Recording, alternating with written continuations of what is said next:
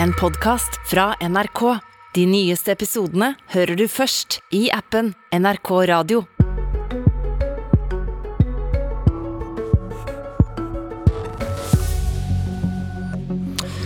Det var gravalvorlige ansikter på de andre borgerlige partienes valgvaker da Jimmy Åkesson holdt sin seierstale i natt. Ikke et smil å se. Sverigevenner, er vi redo for maktskifte? Og hvis det ender med maktskifte, er de andre borgerlige partiene helt avhengige av Sverigedemokraterna. Men ikke et smil å se. Holder de seg for nesa? Vi har gjort et fantastisk val. Vår ambisjon er å sitte med i regjeringen. Det vi ser som det absolutt beste for Sverige just nå, det er en majoritetsregering.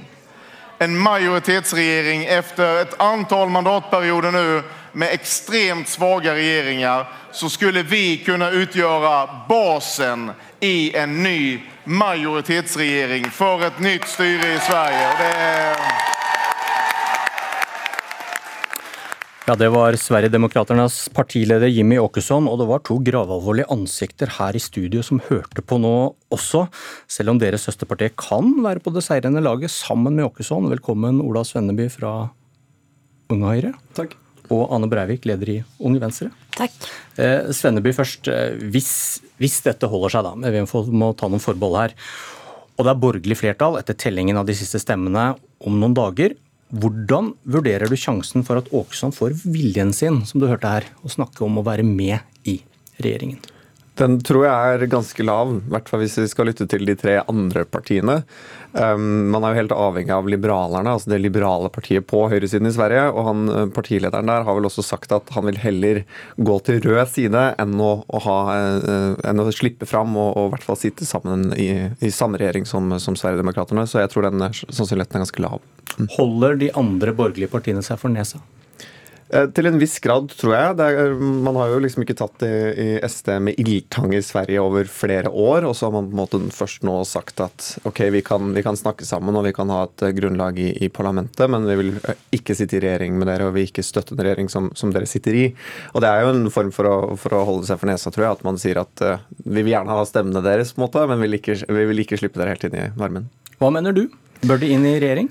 Uh, nei, altså det er klart at du har ganske mange elementer i, i, i, SD som jeg ikke er spesielt begeistret for, men jeg mener det er et framskritt at man har begynt å forholde seg til SD og de velgerne de faktisk representerer. Uh, men det viktigste framskrittet det tror jeg er at særlig det svenske Høyre og det svenske Arbeiderpartiet faktisk har erkjent og også begynt å snakke om en del av de tingene som er helt åpenbare og legitime utfordringer i Sverige, som Sverigedemokraterna tidligere har vært alene om å, å, snakke om. Men Du har sagt at man må samarbeide med Sverigedemokraterna når én av fem stemmer på dem. Hvorfor må man det, hvis man ikke er enig med dem?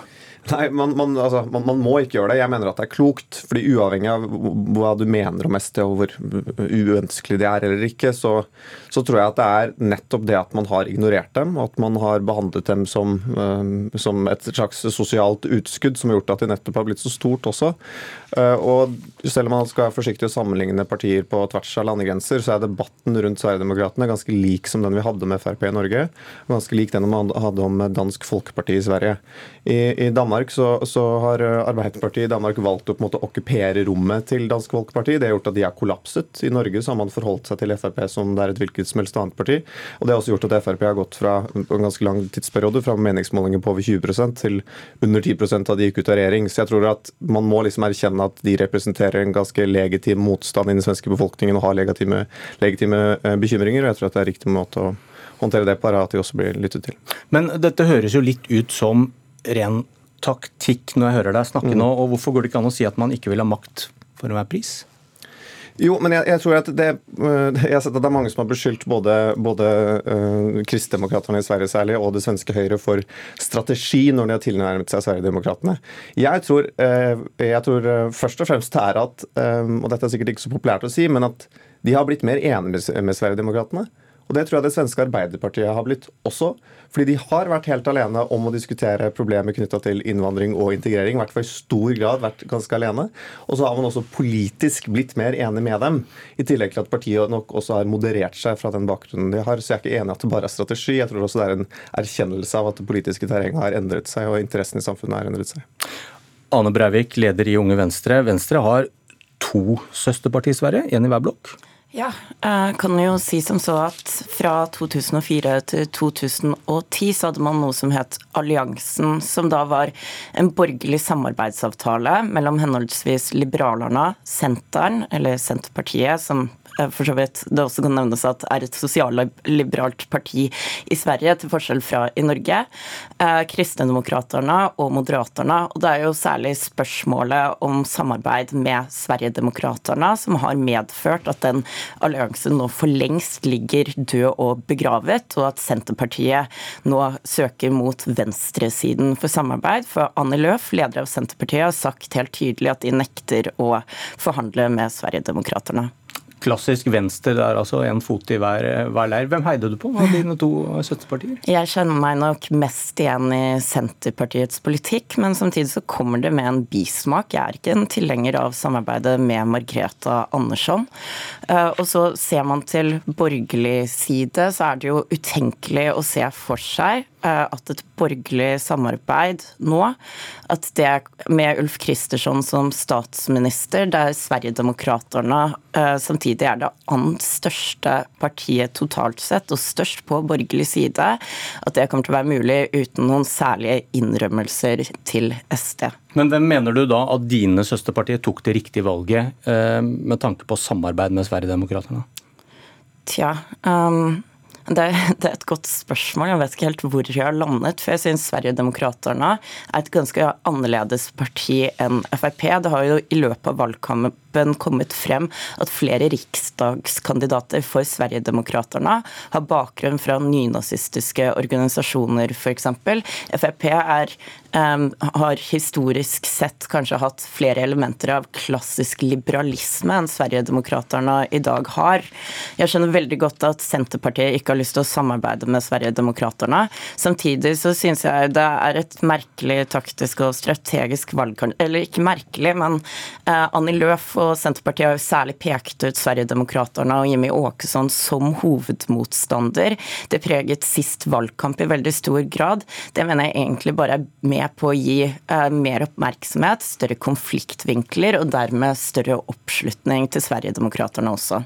Men er det så forskjellig fra at Venstre valgte å samarbeide med Frp? De hadde jo også medlemmer som hadde Sian-tilknytninger, som Frp tok et hardt oppgjør med. Akkurat som Jimmy Åkesson tar et hardt oppgjør med de som da viser seg å ha ekstremistiske tilknytninger. Og så har du historien eh, til Sverigedemokraterna, men dere la heller ikke vekt på at Anders Lange heide på apartheid på 70-tallet? Det er jo definitivt elementer av Frp som i større grad, uh, har, det i stor grad har blitt tatt et oppgjør med, men som kanskje man også kan be om å, at man i større grad tar et oppgjør med. Samtidig så ser jeg på røttene til Sverigedemokraterna og Frp som ganske annerledes. Frp ble jo stiftet nettopp eh, som Eh, som et parti eh, som motstander av offentlige inngrep, skatter og avgifter. Men samtidig så vil jeg jo også si at debatten i Sverige er i mye større grad polarisert enn her i Norge. Sånn som Ola pekte på, så ser man jo nå at sosserne og moderaterna i større grad tar opp problemer som gjelder integrering, gjengvold osv. Og, og det handler jo også om økonomisk ulikhet og utviklingen i Sverige eh, på et større plan. Astrid Hoem, leder i AUF, god morgen i Stockholm. God morgen. Du var på Sosialdemokraternes valgvake i går. Fortell hvordan stemningen snudde der i løpet av kvelden. Det starta jo med veldig god stemning. Eh, og så er det som du sier at det kanskje snudd litt utover kvelden. Men spenninga var der jo fortsatt. Og de aller fleste vil vel vente til onsdag før man konkluderer helt og man har fått opp eh, alle fintellingene og brevstemmene. Men fortsatt så var gjengangeren hvor imponerende det her er for eh, sosialdemokraterne i, i Sverige. Å ha styrt i åtte år og lande et valgresultat på 30% være så mye desidert større enn begge de to partiene på borgerlig side. Så eh, selv om det her kan hende ikke går helt veien, så vil jeg si at jeg er veldig imponert over den jobben sosialdemokraterne har gjort. Hva tenker du om at Sverigedemokraterna kan få makt for første gang? Jeg syns det er veldig skummelt. Eh, både fordi Sverigedemokraterna er et parti med nynazistiske røtter, men også når man har tatt det oppgjøret i hermetegn som, som du viser til, så har det jo gjentatte ganger bare dukket opp nye og nye og nye situasjoner der man ser at det er medlemmer eller tillitsvalgte som har tilknytning til ulike nynazistiske organisasjoner. Så det ene er jo liksom det beint ut rasistiske og fremmedfiendtlige, men i tillegg til det så er jo Sverigedemokraterna et konservativt parti eh, som mener i større grad at, eh, at eh, man ikke skal ha ungene i barnehage, men at mor gjerne bør være hjemme. Som er konservativ i flere verdispørsmål. Så jeg tror det her kommer til å påvirke svensk politikk på ufattelig mange måter. Og jeg skulle ønske at resten av høyresida ikke hadde normalisert Sverigedemokraterna. Men er du enig med Sosialdemokraternes Magdalena Andersson i at man ikke kan ha Somali-towns i Sverige? Det tror jeg forstår for Magdalena Anderssons egen regning, men det jeg tror har, har vært en annerledes debatt i Sverige. har ikke hun adoptert mye av Jimmy Åkessons politikk og vokabulær, vokabulær, som du nettopp sitter og reagerer veldig på? Nei, En av de store forskjellene på Sosialdemokratene og Sverigedemokraterna er at også når man snakker om gjengproblematikken, som jeg tror det er viktig og riktig at man snakker om i det svenske valget, så, så snakker jo også Sosialdemokratene i enda større grad om sosialpolitikken. At på hver eneste krone man skal bruke på politi, så skal man også bruke kroner på sosialpolitikken. At man er nødt til å gjøre noe med velferden og nødt til å gjøre noe med forebygginga. Og Det tror jeg også er en sosialdemokratisk take på hvordan man skal snakke om den kriminaliteten og gjengproblematikken som man har sett rundt omkring i Sverige. Og det tror jeg også er en av Magdalena Andersson sine styrker. Men er du uenig i at hun har eh, adoptert noe av Åkessons vokabular? Jeg er uenig i at, uh, hun har, uh, at hun har adoptert politikken til uh, Sverigedemokraterna. Jeg tror det som har skjedd i aller størst grad, er normaliseringa av Sverigedemokraterna på høyresida. Jeg eh, for å si det forsiktig, veldig uenig. Eh, Sverigedemokraterna de har økt hvert eneste valg i åtte valg på rad. Og det mener jeg helt oppriktig i stor grad er det svenske Høyre og det svenske Arbeiderpartiet sitt ansvar, nettopp fordi de ikke har evnet å delta i de diskusjonene som har gjort at SD har blitt store. Og så er det lett å overdrive situasjonen, den politiske situasjonen i Sverige og hvor dårlig det går, men, men jeg mener at man vanskelig kan overvurdere hvor eh, eh, fryktpreget mange av de diskusjonene man ikke har hatt i Sverige, faktisk har vært. Altså I svenske Unge Høyre eksempel, så ekskluderte man mennesker som ønsket å, ønsket å, å, å diskutere kostnaden, altså den økonomiske kostnaden ved innvandringspolitikken. Man nektet å invitere Sverigedemokraterna inn i, i gudstjenester, ble valgt inn i, i, i svenske riksdagen. Um, så jeg må si jeg er ikke overrasket at det vokser. og jeg mener at Det er ikke pga. normalisering for høyresiden, det er først og fremst fordi at de har spilt på sin egen banehalvdel på åpent mål uten at eh, det svenske Høyre og det svenske Arbeiderpartiet har vært til stede i de debattene. HM. Jeg tror at en del av den eh, fremmedbildet som man bygger opp over tid, setter seg også. At når du har et såpass eh, segregert samfunn som du kan se i Stockholm, som kommer til boligpolitikken, som kommer til velferden, som kommer til den privatiseringa man har hatt både av skolen, og spesielt av skolen over mange år, gjør også at man eh, bryter ned tilliten, og at Sverigedemokraterna bruker det rommet.